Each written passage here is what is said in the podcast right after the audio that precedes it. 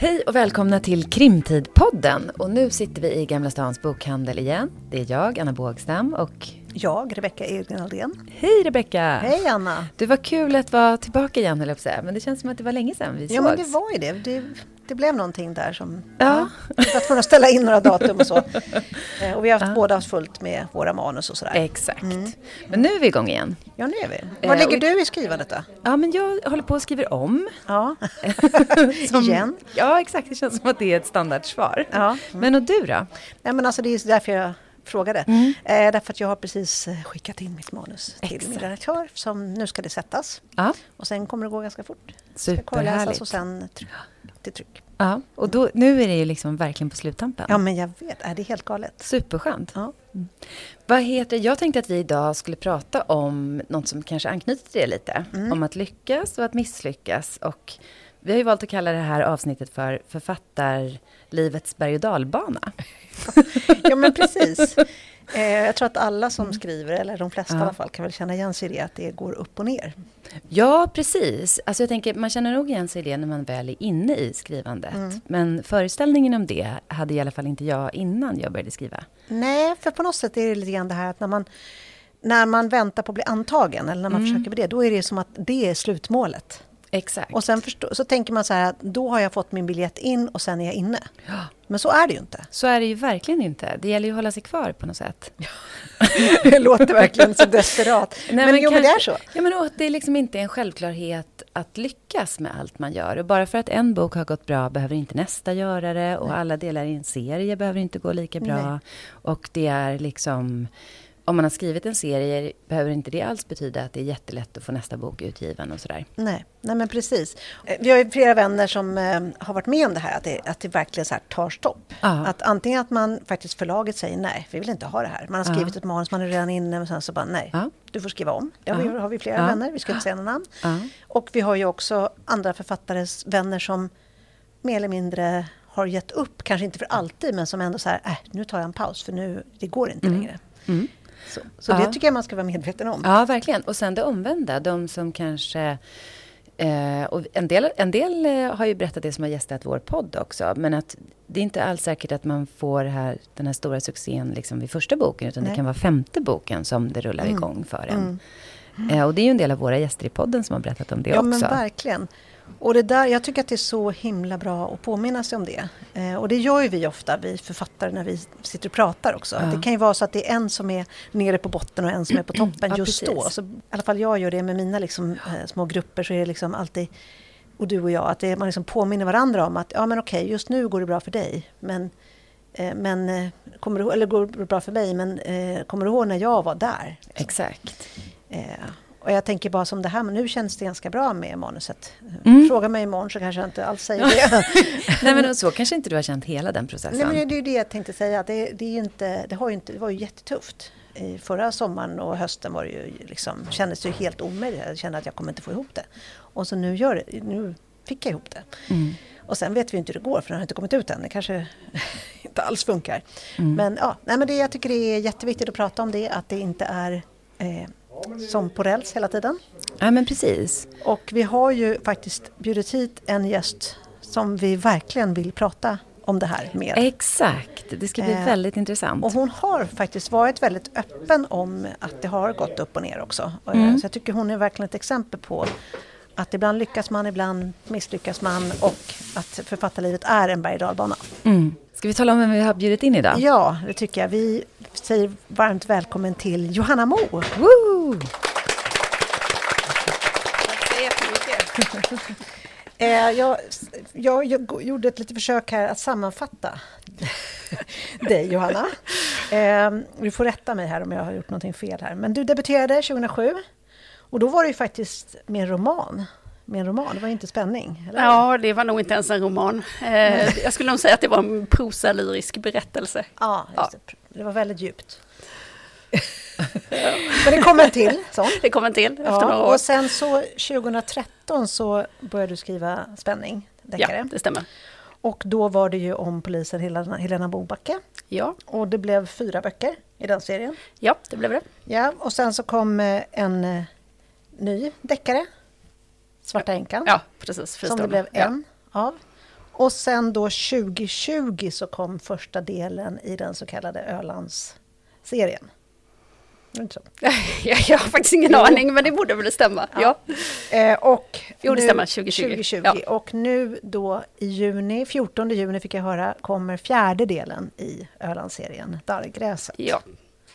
Och sen så vill jag tillägga att du har ju jobbat ganska mycket i förlagsvärlden, inte bara som författare, utan du har jobbat på förlag, du har jobbat på Modernista och du har jobbat som redaktör för några av ja, våra, våra största författare.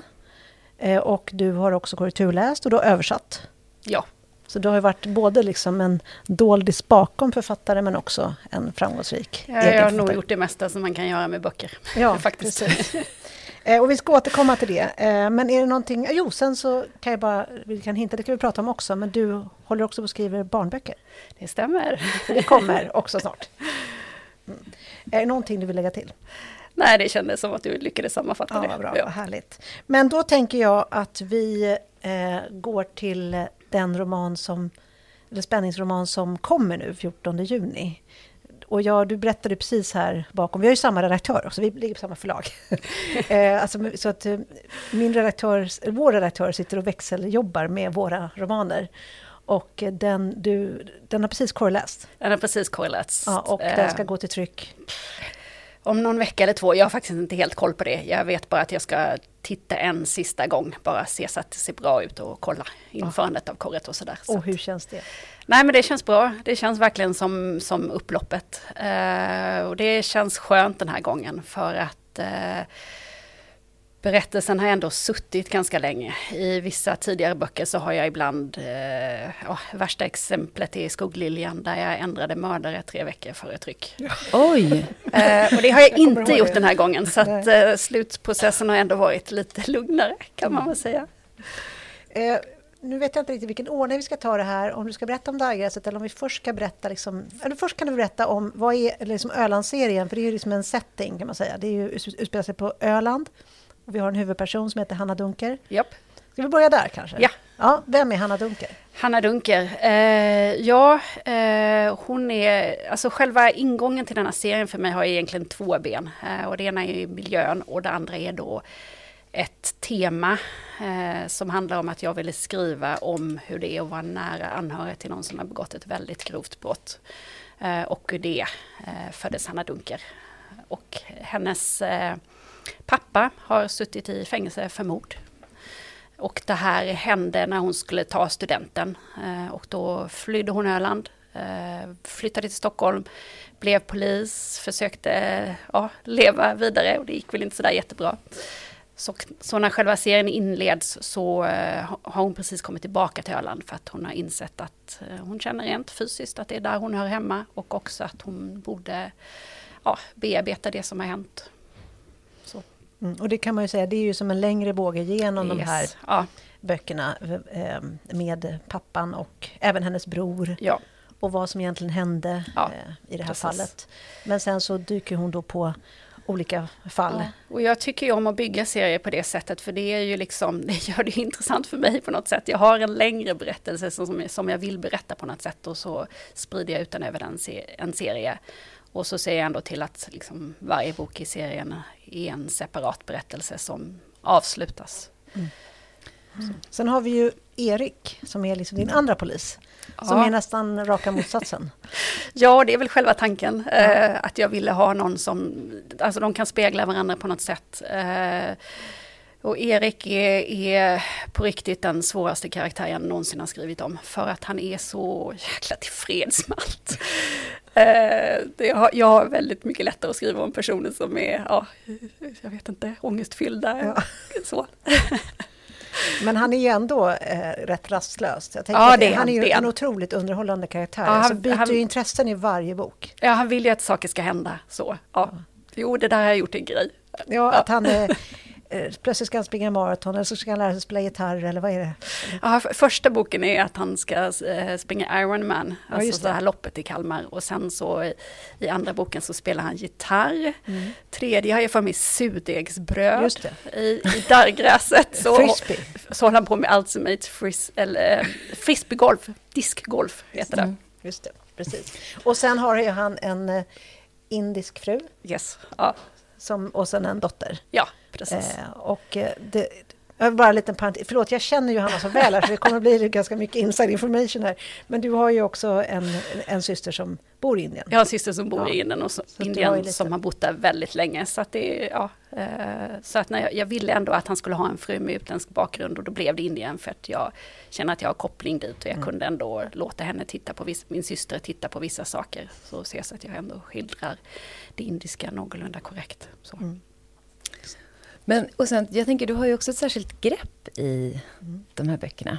Sista dagen-greppet. Kan du inte berätta lite om det? Ja, eh, jag eh, kände ju då när jag valde det här liksom temat att jag skulle skriva om det blir ganska stort fokus på brottslingen då när man skriver om, om gärningsmannen och gärningsmannens anhöriga så. Så jag kände att jag ville ge offret ordentligt med plats som en motvikt. Eh, jag ville göra något annat än det här deckaren där offret är ett lik som hittas på första sidorna och sen så försvinner och så handlar berättelsen bara om liksom vad, vad, polisens arbete om, om vad som hände. Så att jag, jag ville verkligen ge offret ett, en röst. För att liksom trycka på just det här, eh, det hemska, det är faktiskt någon som förlorar livet. Att ja, inte tappa siktet på det på något sätt. Eh, och sen insåg jag ju när, när jag väl hade bestämt mig för att göra det perspektivet att det var rätt användbart rent så här informationsmässigt. Mm. För att man närmar sig brottet från två olika håll. Under den sista dagen så får man följa offret den sista dagen i livet mm. och det gör, jag menar sista dagen fram till dödsfallet. Och i polisernas perspektiv så blir det liksom tvärtom ja, mm. efter då där de arbetar sig bakåt till vad det var som faktiskt hände. Och jag tänker, för när man skriver själv som vi gör, då blir man så himla... Det är så inspirerande att eh, läsa eh, andra spänningsromaner utifrån liksom olika grepp. Och det här greppet, då kände jag så här, fasiken vad lyxigt och bra. För då har man liksom ytterligare ett perspektiv att spela med där pusselbitar till eh, liksom ja, brottet ja, kommer ja. fram. Så man slipper ha att poliserna måste se ja. allt eller hitta allt. Eller för, för, just det här med informationen är ju bland det knivigaste. Det är ju så knivigt, eh, det fattar ju man ju inte om man inte håller på med det. Och särskilt om man, är, man har begränsat antal perspektiv. Vill, du har ju alltid fyra perspektiv. I den här serien har jag det. Mm. Eh, och det var för att jag kände att jag skulle begränsa mig. Mm. I den förra serien så hade jag, alltså det varierade men det var ju säkert ett tiotal. Det var liksom ja, väldigt många olika perspektiv, även mm. om jag där också hade en tydlig huvudperson. Ja. Så nu kände jag att jag ville begränsa mig. Så jag bestämde. Och varför ville du det då? För att jag kände att jag ville gå på djupet med de karaktärer jag väljer. Ge dem mer utrymme. Eh, det, ja, om, om, man har ett perspektiv, den som hittar offret, alltså den kanske är med en scen eller två. Det, alltså, det är bara någon som flimrar förbi mm. för något sätt. Så att jag, ja, jag ville fokusera på några få och jag bestämde att Hanna är ju den tydliga huvudpersonen och hon har kanske hälften av kapitlen. Och sen delar de andra tre perspektiven på resten. Och då är det ju Erik, eh, offret. Och sen är det det fjärde perspektivet som varierar från eh, bok till bok. Men det jag tänker här när du berättar nu, det är också att det låter som att du hade ganska klart för dig vad du ville när du började skriva den här serien. Både liksom huvudkaraktärens långa båge och upplägget och lite vilka som skulle ha perspektiv och berättartekniken. Och... Ja, jag hade det ovanligt klart för mig. Ja, men det, det är verkligen, det är lite annorlunda. Jo, men jag hade ju mm. precis jo, eh, gjort klart den andra serien och kände att jag var färdig med den och jag hade skrivit en fristående.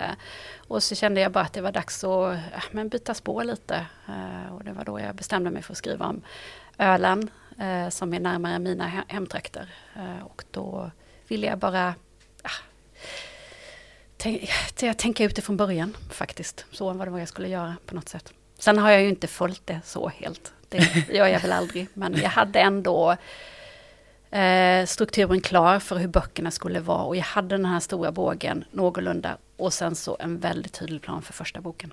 Mm. Men det här måste ju vara någonting som också kommer av att du har en gedigen erfarenhet av liksom skrivande och böcker ja, i det skedet? När ja, det antagligen. Eh, för jag har ju ändå provat ganska många olika sätt att skriva på. Och jag har skrivit med jättedetaljerade synopsis och jag har skrivit utan synopsis alls. Eh, och jag börjar väl ändå landa i en eh, process som, som funkar för mig. Som är, handlar om eh, lagom planering.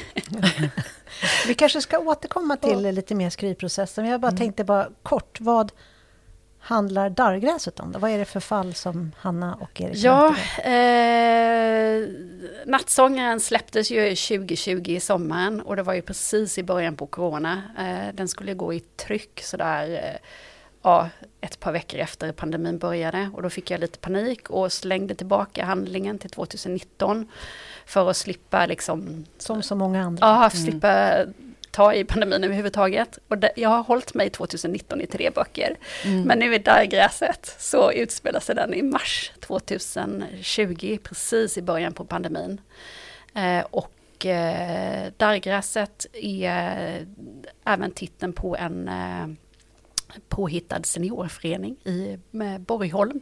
Så offret är en, en pensionär eh, som också är Hannas granne, före detta granne Ingrids eh, ungdomskärlek. Så att hon kommer ha perspektiv i berättelsen också. Ja, så att då får de ju börja nysta i hans relationer och konflikter och ja, så. Mm. Jag måste bara lägga till här, eh, när du pratar om att, med erfarenhet och att, att, hur du har byggt upp de här serierna. Att jag, jag undervisar ju på skrivarlinjen på Folkuniversitetet. Och jag har ju, både två år har jag nu använt dina texter som så exempeltexter. Mm. Och för jag tycker att de är så, det känns som att det är så så otroligt professionellt gjort. Det glädjer mig verkligen ja. att höra. Vi har ju undervisat på skrivarkurser också.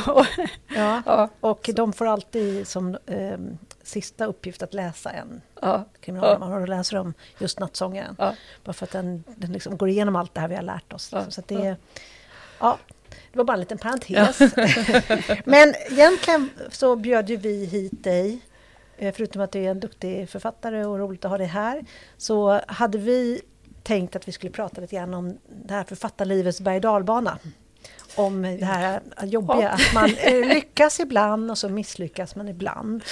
Och jag lärde ju faktiskt känna dig, egentligen var ju när du hade varit så öppenhjärtig på Facebook och berättat ja, om att det ja. hade gått så dåligt. Ja. Så du har varit liksom väldigt öppen om det här och då var jag så här bara wow, henne måste jag liksom bli närmare vän med. För jag letar lite efter sådana människor för jag tycker att det är så peppande som författare när folk vågar berätta om det, ja, både, det... När det, både när det går bra och när det går dåligt. Nej men det är väl min grundinställning till det mesta, att det är väl bättre att säga som det är liksom. Mm. Och det är ju lätt att få intrycket att författarlivet är något slags glassigt om man bara scrollar Instagram och sådär. Men det är ju inte det, det är ju tufft. Alltså, både före man faktiskt blir utgiven och eh, efter att man har blivit det av mm. massa olika skäl. Mm. Och nu så. har det ju gått fantastiskt, för den här serien ja. var ju liksom... Vi kan börja där, bara så att vi vet vart vi ska, liksom, men när vi backar bandet sen. Jag menar, första boken har vi sålt över 100 000 bara i Sverige. Ja. Och är såld till massa länder. Yes. Eh, den går superbra i Tyskland vet jag. Ja. Och i många andra länder. Hur många länder är det? Eh, 18. 18 länder, precis. Så den är ju liksom, det här är ju en, en av Sveriges stora succéer, både i Sverige och utomlands. Eh, så, så ni har med er det. Men kan vi backa bandet det är bra, då? Det är bara att du påminner mig också. Ja. ja, men det har gått fantastiskt bra. Verkligen, verkligen. Jätte, jättebra. Men kan du berätta din liksom författarresa här? När, när, det gick ju ganska bra med Lena Mobacke-serien ändå. Ja, eh, alltså det började väl inte, det började väl blandat där. Mm. Men eh, om, om man ska liksom backa bandet ännu mer så är jag ju, alltså jag är ju en sån där som alltid har velat skriva. Det är det enda jag liksom någonsin har velat göra. Eh, så jag började ju skicka in mina manus innan jag var 20 liksom. Mm. Eh, så att det dröjde ju liksom eh, ja, fem, sex hela manus innan jag faktiskt fick något antaget. Eh, och den där ja, refuseringsbrev mm. har jag väl fått min, min, min, eh, min beskärda mängd av. Mm. Jag vet inte om det är 40-50 kanske räcker liksom så. Mm. Eh, och det där är ju tufft, för man vill någonting så himla gärna och så känns det ju som att man blir ja, men nedtryckt gång på gång, att det håller inte riktigt måttet. Eh, men sen så började jag ändå känna då att eh, refuseringsbreven förändrades, att det blev synpunkter, det blev ändå, jag kände att jag kom någon vart. Eh, och så lyckades jag få ut min första bok, eh, den här prosalyriska berättelsen, och sen min andra bok. Eh, och efter det så kände jag mig extremt lost, eller man ska säga. För jag kände att jag jag skrev för att jag ville skriva. Jag hade inte en tydlig idé om vad det var jag faktiskt ville skriva. Eh, så efter de två böckerna så kände jag att det var dags att börja om. Tänka efter. Eh, och då insåg jag att jag, nej, men jag måste skriva spänning. Eh, för att jag gillar sådana berättelser, mörka berättelser om brott och skuld och så. Mm. Och då eh, kom serien om Helena Mobacka. Och där hade jag också en tydlig idé om bakgrundshistoria. Jag ville skriva om sorg.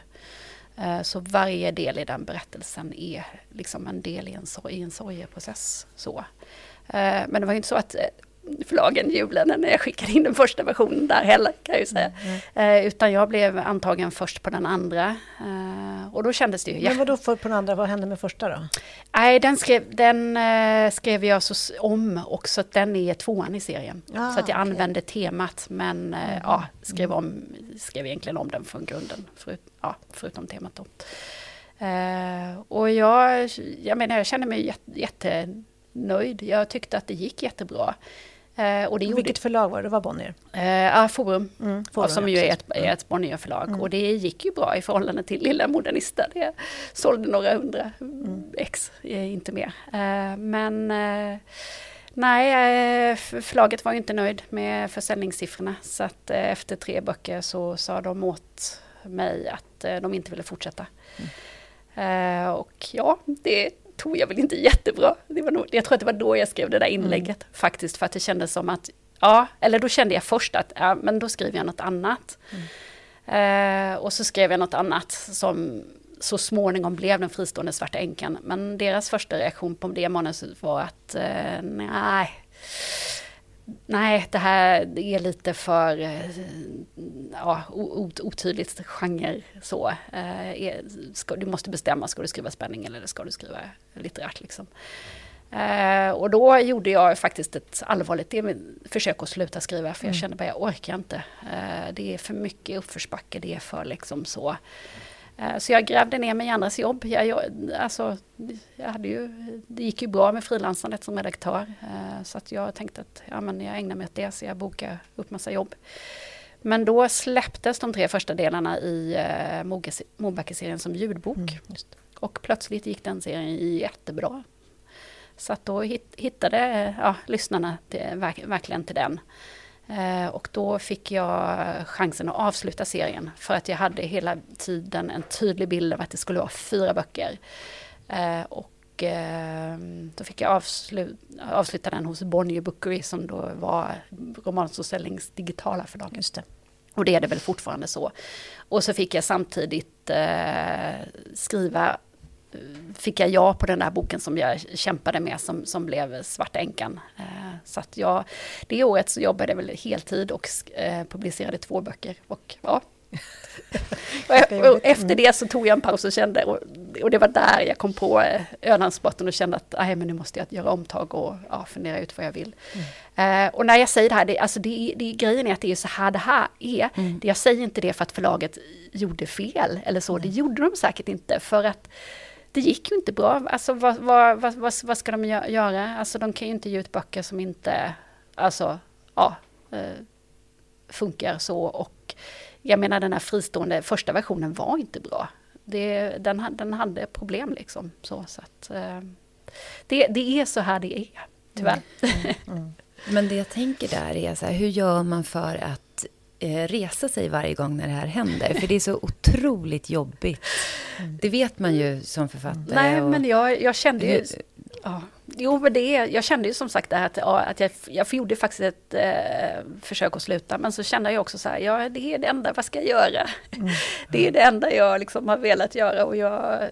Eh, nej, men jag vill skriva. Så då kände jag när då Mobacke-serien plötsligt gick jättebra, då kände jag att jag hade chansen. Nu ska jag göra det jag känner för. Och det var därför jag gjorde den här noggranna planen, för att jag ville att det skulle bli bättre från början, att jag skulle hitta rätt från början. Eh, och det gjorde jag.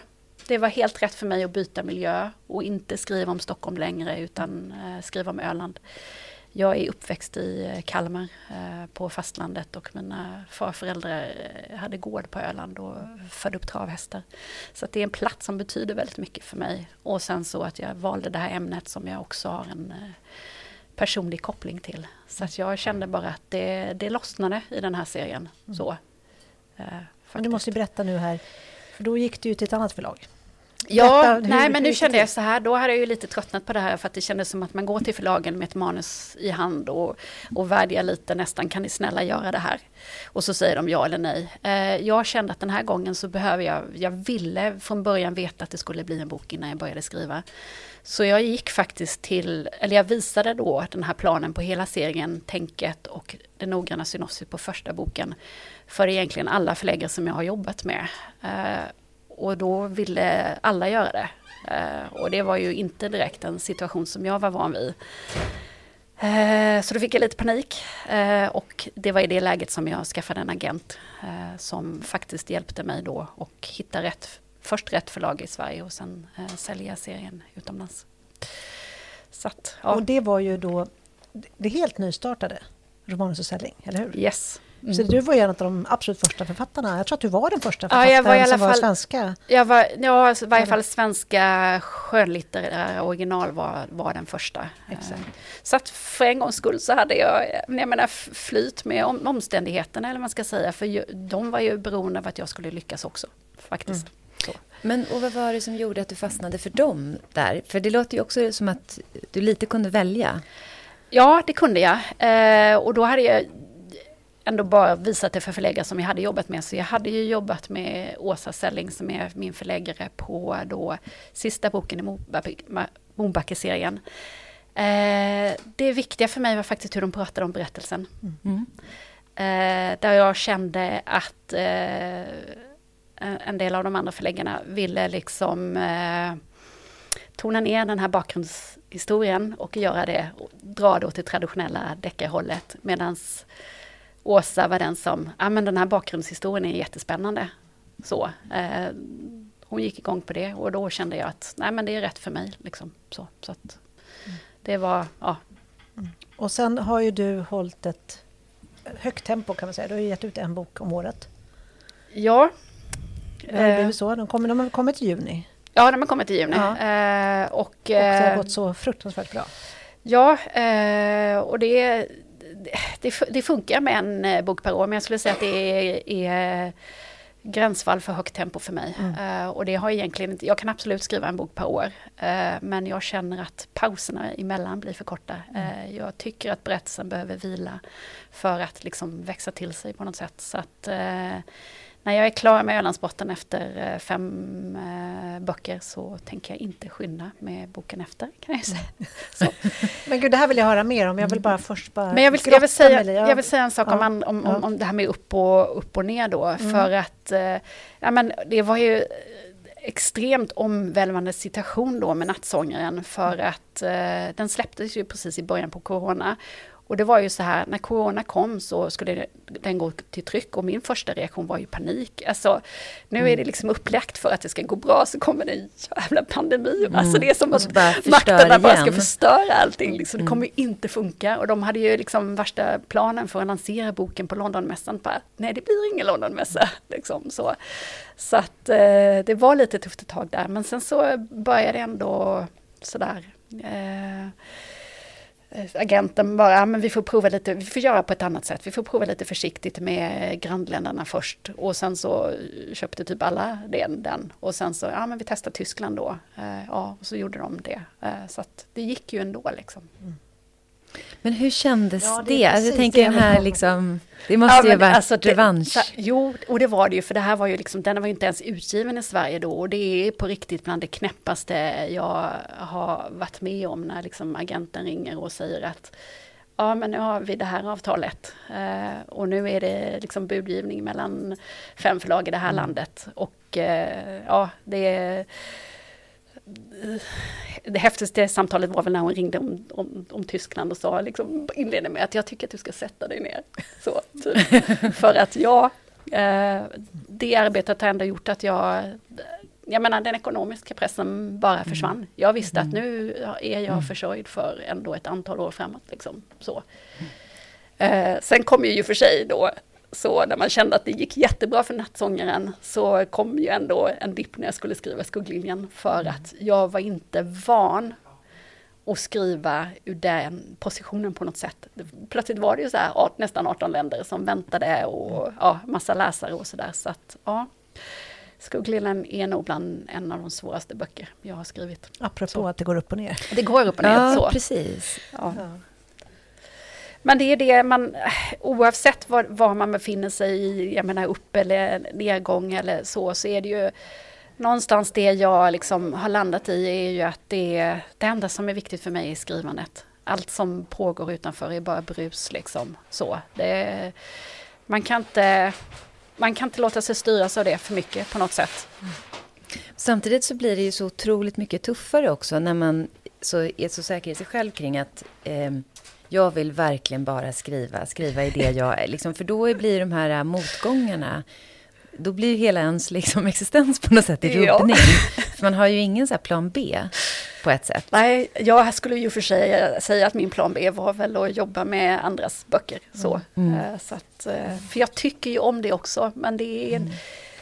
Eh, det är ju inte viktigt på det sättet. Det är ju liksom inget som står på spel som det gör när, jag, när jag skriver själv på något sätt. Men det, för du och jag, det var ju också så vi lärde känna varandra, att du gav mig faktiskt, när det började gå bra för dig, så hörde du av dig. Så dumpade jag jobb på dig. Ja, precis, för då var det, du, var du upptagen, uppbunden på så många redaktörsjobb och så var du så här, rekommenderade du mig istället. Så jag fick ju ta över några av dina eh, redaktörsuppdrag. Så det var liksom så vi egentligen lärde känna varandra.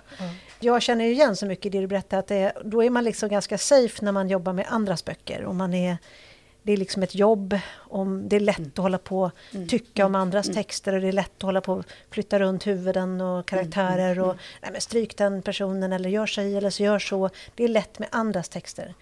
Ja, och sen och... så kommer man till sin egen text och så är det kan det vara så jäkla svårt. Nej men jag, jag håller verkligen med om det. Det är, det är enklare. Uh, och jag känner mig ju duktig när jag jobbar med andras texter. Exakt. För jag vet vad jag håller på med liksom. Mm. Så. Uh, det gör jag ju inte direkt när jag skriver. Så. Nej, och det är det som är den där kicken man får av att ja. vara duktig. Ja. Jag tror vi alla tre, och säkert alla ni som sitter där, är också duktiga flickor. Att man, har liksom, man, man drivs ju också av att vara en duktig. Mm. Eh, och, mm. mm. Liksom, och sen så får man inte det när man sitter där hemma och ja. grottar ner sig i sitt eget manus och bara sliter sitt hår. Men det är ju det som gör skrivandet lockande också, för då ger man sig ändå ut och jag menar, ja, pushar sig själv på ett annat sätt. Så, jag vet inte. Ja, så. Belöningen blir så stor när man sen tar sig igenom. Ja, så. För det är det man liksom kanske trodde och hoppades i början att det, att det skulle bli mycket enklare än vad det har blivit. Så. Mm. Mm. Eh, och det har det ju blivit på sätt och vis. För att jag känner ju ändå att jag, att jag blir bättre på att skriva. Jag har lättare att hitta fram till den här bilden som jag skapar mig i huvudet av vad jag vill att berättelsen ska vara. Men eh, samtidigt så det är inte så att tvivlet har minskat egentligen Nej. när jag sitter där med texten. Liksom. Så det är ju verkligen att man sliter sitt hår ibland och mm. bara, ah, vad håller jag på med liksom. Mm. Så. Vi kan väl avslöja att, du, att vi har haft en liten sån här skrivarcirkel. Yep. Så vi har liksom bytt texter så här emellan oss. Jag var ju med när du hade tufft med din tvåa. Ja. och du har ju varit med när jag hade tufft med min tvåa i min serie. Men det känns ju som att eh, det ändå gick lite lättare med den här fjärde boken. ja, både tredje och, tredje, fjärde fjärde. har gått mm. lättare. Ja, fyran har nog gått ännu lättare för att jag känner att ja, men nu är jag ju lite på upploppet med serien. Mm. Eh, och jag vet verkligen var den ska landa och så. Och jag har väl eh, kunnat stänga av de där yttre sakerna mer och bara mm. fokusera eh, på, på själva skrivandet. Liksom. Mm. Jag, jag tänker, det är också väldigt spännande med alla de här redaktörsjobben du har gjort. För att jag vet ju att du har ju verkligen varit en otroligt viktig spelare bakom några jättestora författare. Du var ju Sofie Sarenbrants redaktör jo. i flera böcker. Ja, det stämmer. Och eh, du var Alex Schumans redaktör. Ja, för en bok. En bok, Den ja. som har blivit så debatterad just nu. Ja. Eh, nej, men är det några fler så som du kan berätta om? Vilka mer författare har du jobbat med? Ja, Pascal Engman har jag jobbat en bok med också. Just det. Louise Boye hade väl gjort? Ja, jag har gjort, gjort läsningar på. Ja, eh, Karin Gerhardsen har jag jobbat med en bok också. Mm, så, mm. så att, det har jag jobbat med väldigt många och jag har jobbat med många icke-spänningsförfattare också. Mm. Eh, Bodil Malmsten har jag gjort ganska många böcker med. Så, så att. Och vad, vad nej, men jag tycker, gav, gav det dig då? Nej, liksom? men jag, jag tycker ju om att läsa text och tycka om text. Uh, nej, och det har väl, i och för sig har det gett en förståelse för processen och för hur text bör se ut eh, och de vanliga liksom, misstagen. Vi har jobbat väldigt mycket med Eh, jag har jobbat med manushantering också, alltså de här som skickar in eh, och eh, ja, läst många sådana manus och suttit på möten och diskuterat sådana manus. Så jag har ju liksom ändå lärt mig just det där vad man ska och inte ska göra på något sätt. Men grejen är att när man väl sitter mm. själv så har man tyvärr nej. begränsad nytta av det, skulle jag säga. För att... Men jag kan uppleva att... Jag, är precis samma, nej, men jag är precis samma, för jag har också suttit och tagit emot manusfögar och, och suttit med... Jag har inte gjort det i samma utsträckning som du, du har gjort det på en helt annan nivå än vad jag har gjort, men jag har liksom lite likt. Ja. Att ibland det är en gåva ibland och det är liksom så här, man känner att man har nytta av det. Men i vissa fall så är det nästan som att det blir lite hämmande för att man vet vissa saker. Jo, och jag kan, jag kan nog för det jag oftast får höra eh, som kritik är att, kanske, att jag kanske är lite tillbakahållen, jag kanske är lite långsam mm. så i, i berättandet. Och jag tror ju kanske att jag är det för att jag är lite städad på något sätt. Så, eh, för att jag vet hur det ska vara. Så, mm. Kanske. Men eh, ja, jag vet inte. Men det är ju så här när man sitter och skriver, det är ju jag gör ju mig en bild av vad det är jag har skapat. Jag tror ju att jag har skapat någonting. Eh, så då, och då är ju det det som det ska vara. Men så kommer det ju någon utifrån och läser och bara, nej men här förstår jag inte, här tycker jag att han reagerar så där, det är jättekonstigt. Eh, så. Eh, så att man behöver ju verkligen någon, jag behöver också verkligen någon som kommer utifrån och läser och, och bara reagerar på texten. Mm. För att jag ska kunna synka bättre med vad jag vill att det ska vara och vad det faktiskt är på något sätt. Så. Jag tycker det här är så viktigt det du säger nu, att alla behöver en förläggare, alla behöver en redaktör. Och jag kommer ihåg när vi satt och åt lunch och så pratade vi, det var ju med Hanna Lindberg, ja, ja. och så pratade vi om att vi kanske skulle bilda någon liten sån här skrivarcirkelgrupp. Mm. Och då var det ju jag och Hanna som pratade om det. Ja. Och så när du säger så här, men jag vill vara med, och då var jag så här, bara vände mig och sa, men du, du behöver väl ingen hjälp, du är ju så etablerad. Och, och vet, så där, då hade ju du kommit ut med nattsångaren redan och det hade ju gått Nej, men Man behöver det och jag tyckte om det där alltså regelbundna, mm. Eh, för det är ju ganska ensamt att skriva så. Mm. Man sitter ju med sin text och har liksom ingen aning om var, var den ska hamna någonstans. Så att det är bra att ha ett gäng och, och visa regelbundet och bara få reaktioner och prata och liksom så. Mm. mm. Få syn på texten på ett, på ett bättre sätt. Mm. Anna, vad säger du? Ska vi gå in på skrivprocessen? Ja, men jag tänkte det. Och jag tänkte nästan den första ehm, eh, liksom tanken som slår mig när jag hör dig berätta om det här. För jag tänker att eh, du har ju liksom jobbat med böcker, skrivit så mycket själv. Du har en idé om eh, hur den här Ölandsserien ska vara och lite vilken form. Hur, alltså, hur gör du för att ändå variera dig? För jag tänker att det är så himla lätt att man faller in i eh, liksom att det blir samma typ av berättelse om och om igen på något sätt. Och att det liksom ska fortfarande kännas kul. Ja, eh, och det är det där att det ska kännas kul är ju det enda som på riktigt är viktigt för mig. Eh, och det är ju skälet till att jag aldrig kommer skriva en serie på 10 plus mm. böcker. För att jag har en tendens att, att tröttna. Och jag har väl någonstans bestämt mig för att med Mobacke-serien hade jag från början, ja men det ska vara fyra böcker. Eh, och sen när det liksom från början såg ut då som att det bara skulle bli tre och jag inte skulle få avsluta så var det så pass jobbigt att jag kände att jag vill inte låsa in mig själv på det sättet. Mm. Så för Ölandsbåten hade jag en mycket öppnare, ja men jag gör tre böcker. Eh, och så började jag göra serien och så kände jag att tre böcker räcker inte. Och då mm. gjorde jag om planen till fem böcker och det, det är det jag kommer hålla mig vid. Så men, nej, men jag försöker hitta saker i, i varje bok som kan, som kan liksom, eh, ändå variera någon, någonting. Som i Dargräset då, förutom att det är en äldre person och Borgholm mm. är en helt annan miljö än jag haft tidigare mm. Mm. Eh, böckerna. Så får man även delvis följa en rättegång Mm. Och det har man ju inte fått göra överhuvudtaget i, den, i de tidiga böckerna. Så jag, ja, men jag, hittar, jag hittar sätt att hålla mig mm. själv mm. ja, underhållen. Vad ska mm. säga. Gud, det såg jag ju på Instagram när du la ut att du var, gjorde research också. Gick ja, det på var, rättegångar Ja, det var jätteintressant. Mm. Eh, jag gick på en eh, mordrättegång då mm. i Kalmars tingsrätts säkerhetssal. Som var den sal som jag då skulle skildra inifrån. Så att, ja.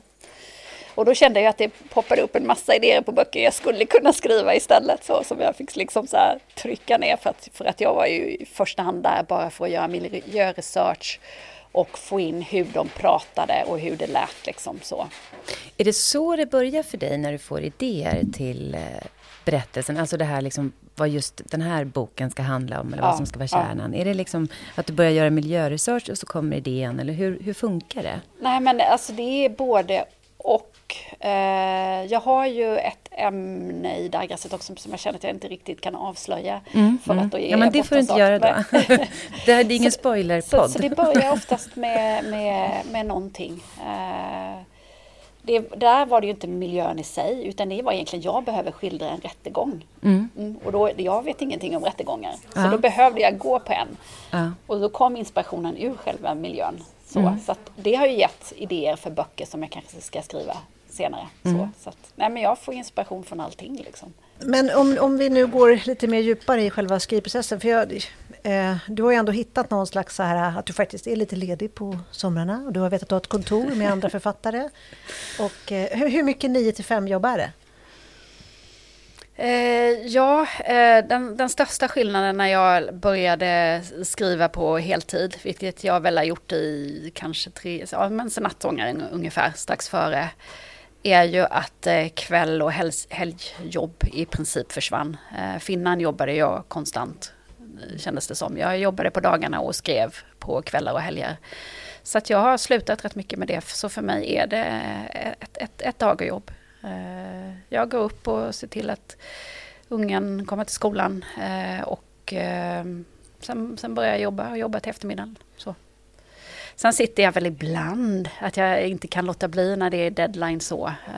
Eller jag är precis, ibland i början när jag blir så inne i det här att skriva det här första utkastet så kan det väl hända att jag sitter lite på helger och kvällar. Men jag, nej, jag gör nästan inte det längre. Mm. Men har du liksom sidmål då eller mål i tim? Alltså... Ja, jag har teckenmål. Mm. Eh, och eh, jag eh, har lärt mig att sätta teckenmålet så att jag inte kan misslyckas. Mm. Så, eh, för att det, är bara, det är två tecken. Nej, jag, jag, sätter det lite högre. Ja. Jag sätter det väl kanske vid eh, 6000 tecken och det är inte jättelågt men för mig är det det. För, för det kan jag skriva på ja, tre, fyra timmar. Så. Men och, precis, och hur många sidor ungefär blir det? Mm. Om man nu inte är inne i teckentänket. Ja, vad kan det vara? Tre, fyra? Mm, max. Mm. Max. Mm. Jag brukar, 2000 tecken per sida är en ganska normal. Så. Mm. Men kan du hamna i att du eh, sitter och bara stirrar på datorn en dag? Trots att du har teckenmål, liksom, eller hur gör du då? Mm, ah, nej, nej, jag är inte... Nej, mitt problem är nog snarare tvärtom, att jag har, alltså, eh, jag har för mycket idéer. Så, eh, så att det är snarare begränsa mig som är liksom utmaningen för mig på något sätt. Jo, men fast det, visst kan det hända att det är inte alltid så att jag känner när jag sätter mig vid datorn att bara tjoho, nu ska det bli jätteroligt. Och det händer väl att jag stirrar på den liksom, vita sidan och inte riktigt vet vad jag ska. Men eh, då gör jag väl något annat i några minuter eller går och tar en promenad så brukar det liksom eh, men det är också ett sånt där råd som jag fått, jag kommer inte ihåg varifrån, men att eh, jag försöker sluta mitt inne i något. Mm. Så att jag inte nästa dag behöver eh, i början på ett kapitel så, utan jag är mm. nästan mitt i en mening. Så. Mm. För då, Jan Guillou gör ju så. Ja. Mm. Han slutar mitt i meningen. Mm. för då, då brukar det lösa sig. Liksom. Hur ser din relation med din förläggare ut under processen? Är du en sån som skriver på din kammare och sen skickar in eller har ni mycket kontakt? Eh, för, från början så var jag en sån som, ja men jag vill ha ett, det ska absolut vara ett vara ett färdigt manus innan jag skickar in det. Jag vill inte visa någonting som är dåligt. Mm. så, usch. Eh, men det funkar inte så bra för mig. Eh, så att jag har eh, nu har ju ändå vi gjort så pass många böcker så att jag vågar visa ett första utkast som verkligen är grovt. Så, eh, jag gör research, en slags lösplan för berättelsen, börjar skriva, skriver ett utkast, jobbar kans, kanske om det en gång och sen så skicka in det. Eh, och, Även när det liksom känns i magen att du inte är nöjd alls? Ja, ja. ja för, jag, för jag vet ju Mm. Uh, oftast när jag har det, och jag försöker att inte, en del av mig vill ju bara, okej okay, det här och det här och det här och det här mm. och det här är fel med manuset, men nu kommer det i alla fall. Uh, jag säger aldrig någonting, utan jag vill ju mm. att hon ska läsa och Och, mm. Så du skickar aldrig med förlåtlappen? Nej, jag gör inte det. jag är oftast väldigt nära att göra det. Ja, jag är så här, skriver och sen så raderar det. Nej, men alltså det kan ju hända att jag uh, skriver så här att ja, det här känns ju lite, kanske lite mer ofärdigt än vad det brukar göra. Så kan jag skriva, men jag skriver aldrig vad det är jag tycker inte funkar. Det skriver jag upp på en lapp och behåller för mig själv. Mm. Så, uh, och sen är det då hon som läser och det är min agent som läser också. Och så läser de och synkar uh, synpunkterna och sen så har vi liksom ett textmöte och pratar igenom berättelsen. Och ganska ofta så tycker ju de de där sakerna som jag har på lappen. Så, så att, och då vet ja, ju jag att... Uh, ja, då tycker så. ni lika. Uh, men uh, och visa liksom enstaka kapitel under liksom processen, det har jag egentligen ingenting behov, inget behov av. För jag känner att jag måste bara ta mig till det där första utkastet. Mm. För då har jag någonting att jobba med. Då kan mm. de läsa det och sen kan vi diskutera det. Mm. Och sen börjar ju det riktiga jobbet för mig. Så. Eh, för jag är ju inte, det kanske lät så förut, men jag är inte en sån, sån som öser ur mig en massa text och sen eh, liksom redigerar ner det till en berättelse som funkar. Jag är verkligen tvärtom. Jag vill ha en berättelse, ett skelett, någonting som jag tycker funkar strukturmässigt och sen så jobbar jag om, jobbar om och jobbar om och bygger ut istället. Mm. Eh, fyller på med, jag menar, miljö, fyller på med karaktärer, fyller på med liksom, ja, men köttet som jag brukar kalla det. Eh, tills jag känner att det liksom börjar räcka så. Eh, så det är en mm. ganska långsam process och som kräver många vänder. Mm. Och då är det skönt, för när jag har visat det där första utkastet och mm. jag eh, ja, mm, de oftast tycker det där som jag själv trodde var problemet. Mm. Så jag menar, ja, då, är det, jag menar, det låter som, då hade jag ju väl kunnat börja fortsätta bara göra jobbet själv, men det hade jag inte kunnat, för då är det ju tvivlet som mm. hade sagt åt mig att mm. nej men eh, det kanske inte är så, det kanske inte så här. Eh, när jag haft diskussionen så vågar jag gasa igen och bara mm. köra mm. på. För att ja, jag har bara fått en liksom, ja, röst utifrån som säger att ja, men, eh, du är på rätt spår. Liksom. Mm. Men det låter ju när du beskriver det här, det, det, som slår mig är egentligen två saker. Det ena är att du känner dig själv ganska väl. Eh, och det andra är att du också har en trygg relation med din förläggare. Ja, men det har jag absolut. Så. Jag är väl nog fortfarande så att jag skulle tycka att det var svårt att visa text som inte är ja, så, så grov för någon som inte har ja, jobbat med mig överhuvudtaget. Mm. Men så samtidigt tycker jag också att det låter... Eh, det som är väldigt inspirerande i det här är ju också att... För det är precis som du säger, om man inte har den här liksom, kontakten eller relationen som ni har och att man får det här liksom, utifrån, att du är på rätt spår. Då är det ju en fruktansvärt mm. jobbig mm. process. Eh, jag tycker i alla fall att jag själv har gjort det misstaget, att då försöka på sin egen väg mm. och skicka in det sen när man har lagt jättemycket jobb på det med känslan att jag är inte riktigt säker. Och sen kan man dessutom då också få eh, andra kommentarer som är verkligen så här, eh, det här måste vi göra om från grunden. Mm. Det blir sån enorm så här, fallhöjd också. Mm. Jo, och det är ju det som är svårt och som är innan man är utgiven ja, också. För det blir liksom, man, då har man ju inte den förmånen. Nej. Nej. Och det är verkligen, eh, ja, det är så otroligt beundransvärt av alla som kämpar med det innan man har den här förmånen. Liksom. Mm. Både att mm. veta mm. vad som passar en själv bäst och mm. att ha någon att hålla i. mm. Jag tänkte på, du, det är ju en till bok. Hur färdig är du med den i huvudet? Liksom, jag vet att du inte börjat skriva på den. Nej, femte. jag har inte börjat skriva. Jag börjar aldrig skriva på boken efter innan, eh, innan eh, boken är iväg till, till tryck. Så, eh, jag har en, men det har jag haft länge. Jag vet ju någonstans var den här bakgrundsberättelsen ska landa. Så att jag har en ganska tydlig bild.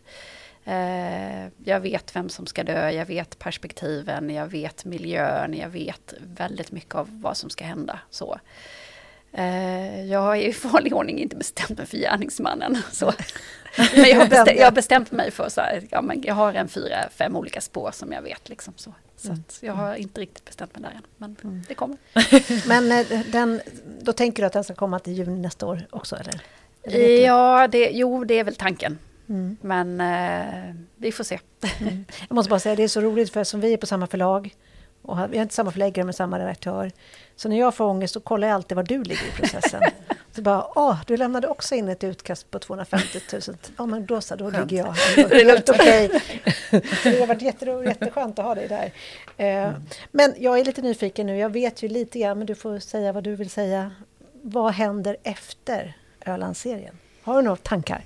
Ja, det har jag. Mm. Jag vet, eh, jag har ganska många tydliga tankar om den berättelsen som jag ska skriva efter. Eh, och det började med jag känner att jag är lite färdig med polisutredning. Eh, jag tycker inte att det är jätteroligt att skriva förhör. Och, Va? Nej, jag skojar bara. och, och möten där poliserna sitter och diskuterar. Liksom så, så att jag ska skriva en spänning utan poliser. Det, det vet jag. Och miljön kommer fortfarande vara Öland. Mm. Eh, så. Och jag, jag vet eh, grundtematiken. Jag vet till och med titel och jag vet Oj. väldigt mycket om karaktärerna. Så ja, kan väl säga. Nej, tra, trassliga familjerelationer kan man mm. ja, mm. tycka det som. Mm. Ja, men, men du, när du själv läser, vad väljer mm. du att läsa då? Ja, eh, jag läser verkligen allt möjligt. Eh, det är klart att det blir mycket spänning. Eh, så, jag gillar ju spänning, det är, ju där, det är därför mm. jag skriver det. Eh, Sen, alltså jag är ju litteraturvetare i grunden så, eh, och det var väl kanske därför jag började skriva de böcker jag började skriva. Eh, och då hade jag ju spänning som min nöjesläsning, då kunde jag verkligen slappna av. Och det har jag förstört lite nu genom att då skriva det själv och jobba med så. Så jag kan ju inte läsa en spänning, spänningsbok utan att titta på hur det är gjort. Och, ja, eh, jag tar nästan alltid mördaren väldigt tidigt kan jag säga. Men och då har jag ju haft sådana, jag tycker om att läsa science fiction och jag tycker om att, att, att läsa fantasy faktiskt. Men det har jag också förstört lite nu i och med att jag skriver då en eh, barnbok det, inom fantasy. Bra så. övergång där. Yes. Vad har du kvar då som du inte har förstört? Nej, det är ingenting. Nej, men jag har massa så här, åh jag kanske ska skriva en kärleksroman, åh jag kanske ska skriva, men eh, vi får se.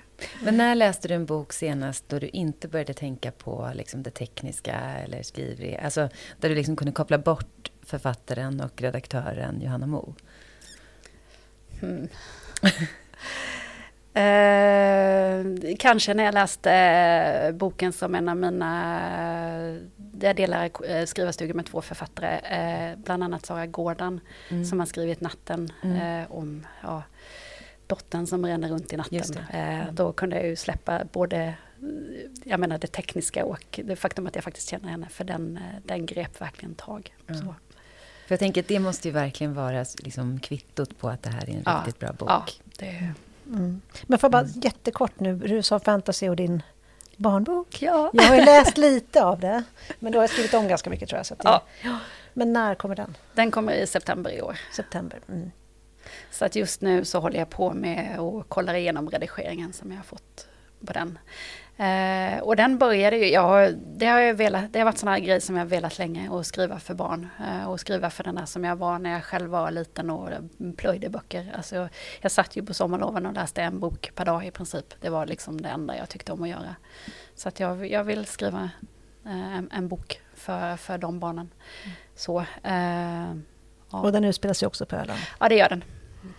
Mm. Men det är en eh, fantasyberättelse då och själva ingången är för mig är vad, det är, en, det är nordisk mytologi eh, och världen är ändå någon slags dystopisk, apokalyptisk, eh, ja, nordisk mytologisk värld. Eh, Ragnarök hände men gick fel.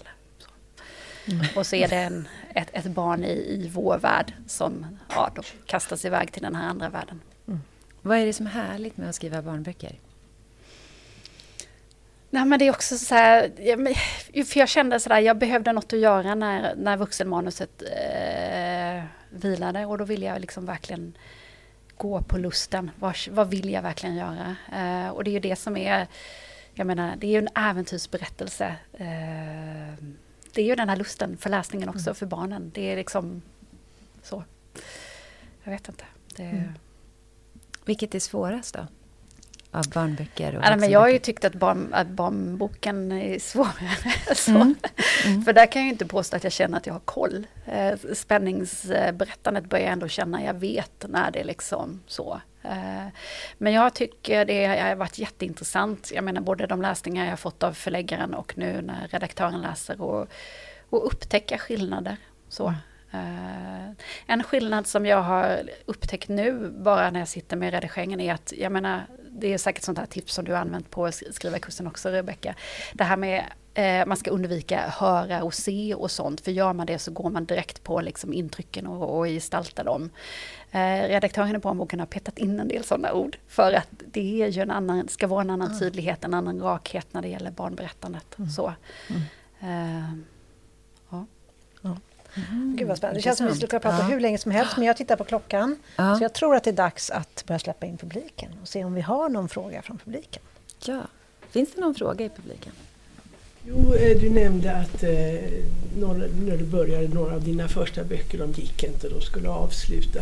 Men sen så tog det fart när det kom på eh, så att säga, som en mm. talbok eller så. Mm. Har jag gjort någon analys av det? Varför, varför var det så? Hittade du någon annan målgrupp eller vad var det? Ja, jag har faktiskt ingen aning. Eh, för man har ju massa så diskussioner om hur, hur ljudbok ska vara för att funka. Så här. Grejen är att jag gör ju massa saker i de här Moback-berättelserna som absolut inte passar för ljudbok. Det är som det här med att det är över tio perspektiv och det är tillbakablickar och sådär. Jag vet inte, det bara funkade. Jag tror eh, en del av det, det råkade bara, jag menar det kom strax före jul och det var tre böcker. Då visste de att gillar jag den här första så finns det fler. Så de, de släppte tre samtidigt. Ja, det är ju ganska många ljudbokslösningar som letar efter en serie. Ja, det är mm. det. För de är det lite grann som en tv-serie. Okej, okay, men jag tänker inte börja på den här förrän jag vet att det finns flera. Mm. Ja. Och finns det då redan tre klara så... Jag, jag, jag tror å ena sidan att det kanske finns vissa lyssnare som, som är en annan publik än den läsande publiken. Men jag tror att mm. väldigt många är väl som jag. Alltså jag, både, jag både läser och lyssnar. Det är liksom inte så. Men är det inte också att som ljudbokslyssnare så vågar man testa lite ja, nya det vågar saker? Man. Det vågar så man. jag tänker liksom att större steg att okej, okay, nu ska jag gå och köpa den här Johanna Mos bok, nya bok än att, ja men titta här igen, nu ja, testar vi sen, den. Sen gäller det ju också, jag menar som författare, att bygga upp en läsarskara mm. på något sätt. Uh, för det är så det ju varit, jag menar, de som kanske har läst Ölandsbrotten och gillat den och sen så kollar de vad hon gjort tidigare och sen mm. uh, ja, hittar de då den andra serien och lyssnar på den, för den finns ju framförallt som ljud nu. Har vi några fler frågor? Ja, du har fler. Ja, jag har fler frågor. Sen tänkte jag också på, eh, ni berättade här som ni, ni som är författare, att det är viktigt att man träffar och så här andra personer och så och får in, ja, inspel på sina böcker. Så tänkte jag på, eh, när ni har de här, är det någon gång ni har liksom era någon läsare med som ska få ge synpunkter i ett tidigt skede? Jag har ett ganska upparbetat system, alltså vid det här laget. Den allra första som får läsa är faktiskt inte min förläggare utan det är min make. För att han, han, han läser med snälla ögon. och det behöver jag på det allra första utkastet. Och han har ju läst allt jag har skrivit så han kan ju ändå placera det i i förhållande till det, eh, om det håller någorlunda. Och sen är han bara väldigt allmänbildad och smart person helt enkelt. Så att han, han kan ge rätt bra input kring de stora bitarna, kring personkaraktärerna och kring handlingen då. Eh, luckor i den.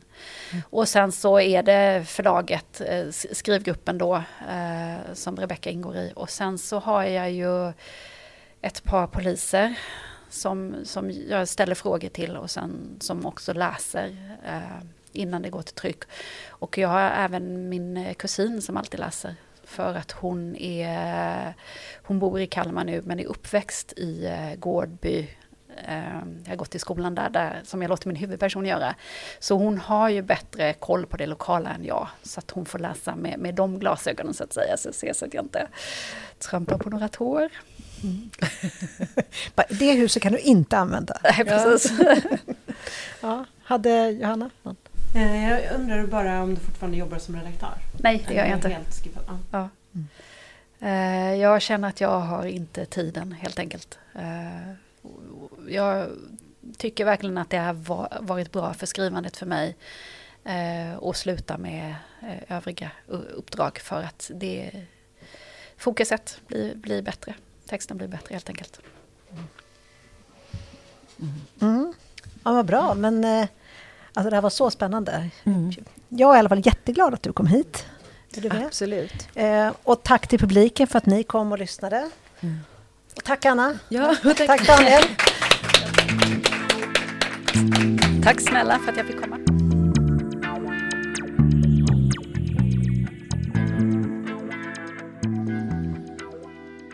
Alltså det, det, här Anna, det var ju så spännande att höra om liksom både topparna och dalarna. Johanna var ju otroligt eh, generös och delade med sig av liksom, både uppgång och ja, misslyckanden. Eh, eller misslyckanden, men när det, går, när det är svårt. Eh, och då tänkte jag så här, det finns ju vissa saker som är lätt när man skriver och så finns det vissa saker som är svårt. Och sen i publiken så råkade vi ha då Johanna Ginstmark. Eh, jätteroligt. Johanna Ginstmark är, skriver tv-seriemanus eh, men skriver nu också eh, spänningsromaner. Och då blev jag såklart lite nyfiken på vad, vad har du Johanna för, liksom, med dig från det här med att skriva? Vad är lätt för dig för att du har skrivit så mycket tv-serier innan? Och vad har liksom varit den stora utmaningen att börja skriva spänningsromaner? Jag tror det som har varit absolut lättast är ju att jag har med mig strukturen och dramaturgin eh, från tv-serier, för den är ju densamma. Eh, och också att jag kanske håller ett högt tempo. Även om kanske berättelsen i sig kan vara långsam, så håller jag ändå ett högt... Eh, jag menar kanske en, en motor i berättelsen som konstant driver framåt för att jag har blivit tränad i det. Att vi får liksom inte tappa vår publik, utan vi måste få dem att stanna kvar. Men också karaktärsutveckling och alla sådana saker. Så allt det där är ju jämförbart. Mm. Att allt det har jag ju väldigt stor nytta av. Men det som var svårt, det var ju det här med perspektivbytet. Att jag var van att skriva bilder. Jag skrev ju allt det som skulle synas i rutan. Så jag skrev, jag skrev miljön som en objektiv kamera såg. Så jag skrev allt man såg och jag skrev allt man hörde och jag skrev allt som hände. Men jag kunde inte skriva det som skedde i någons huvud. Eh, utan jag var tvungen att gestalta allt det där. Och i böckernas värld så är det exakt tvärtom. Att allting skildras utifrån någon individ. Och det tar ju bort hela den stora bilden. eh, och man måste vara väldigt inuti någons huvud. Så det var det, var det absolut svåraste att, att sätta, tyckte jag.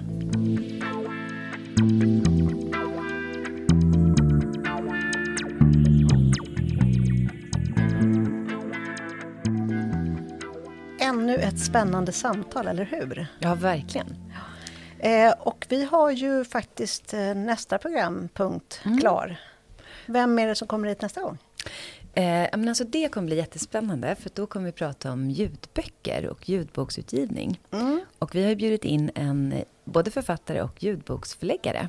Ja, Mattias Boström Exakt. Eh, på Lind Company som mm. verkligen jobbar med just ljudböcker. Eh, Precis. Och det ska bli så spännande att höra honom prata om ljudboksmarknaden och ja, allt kring det. Exakt.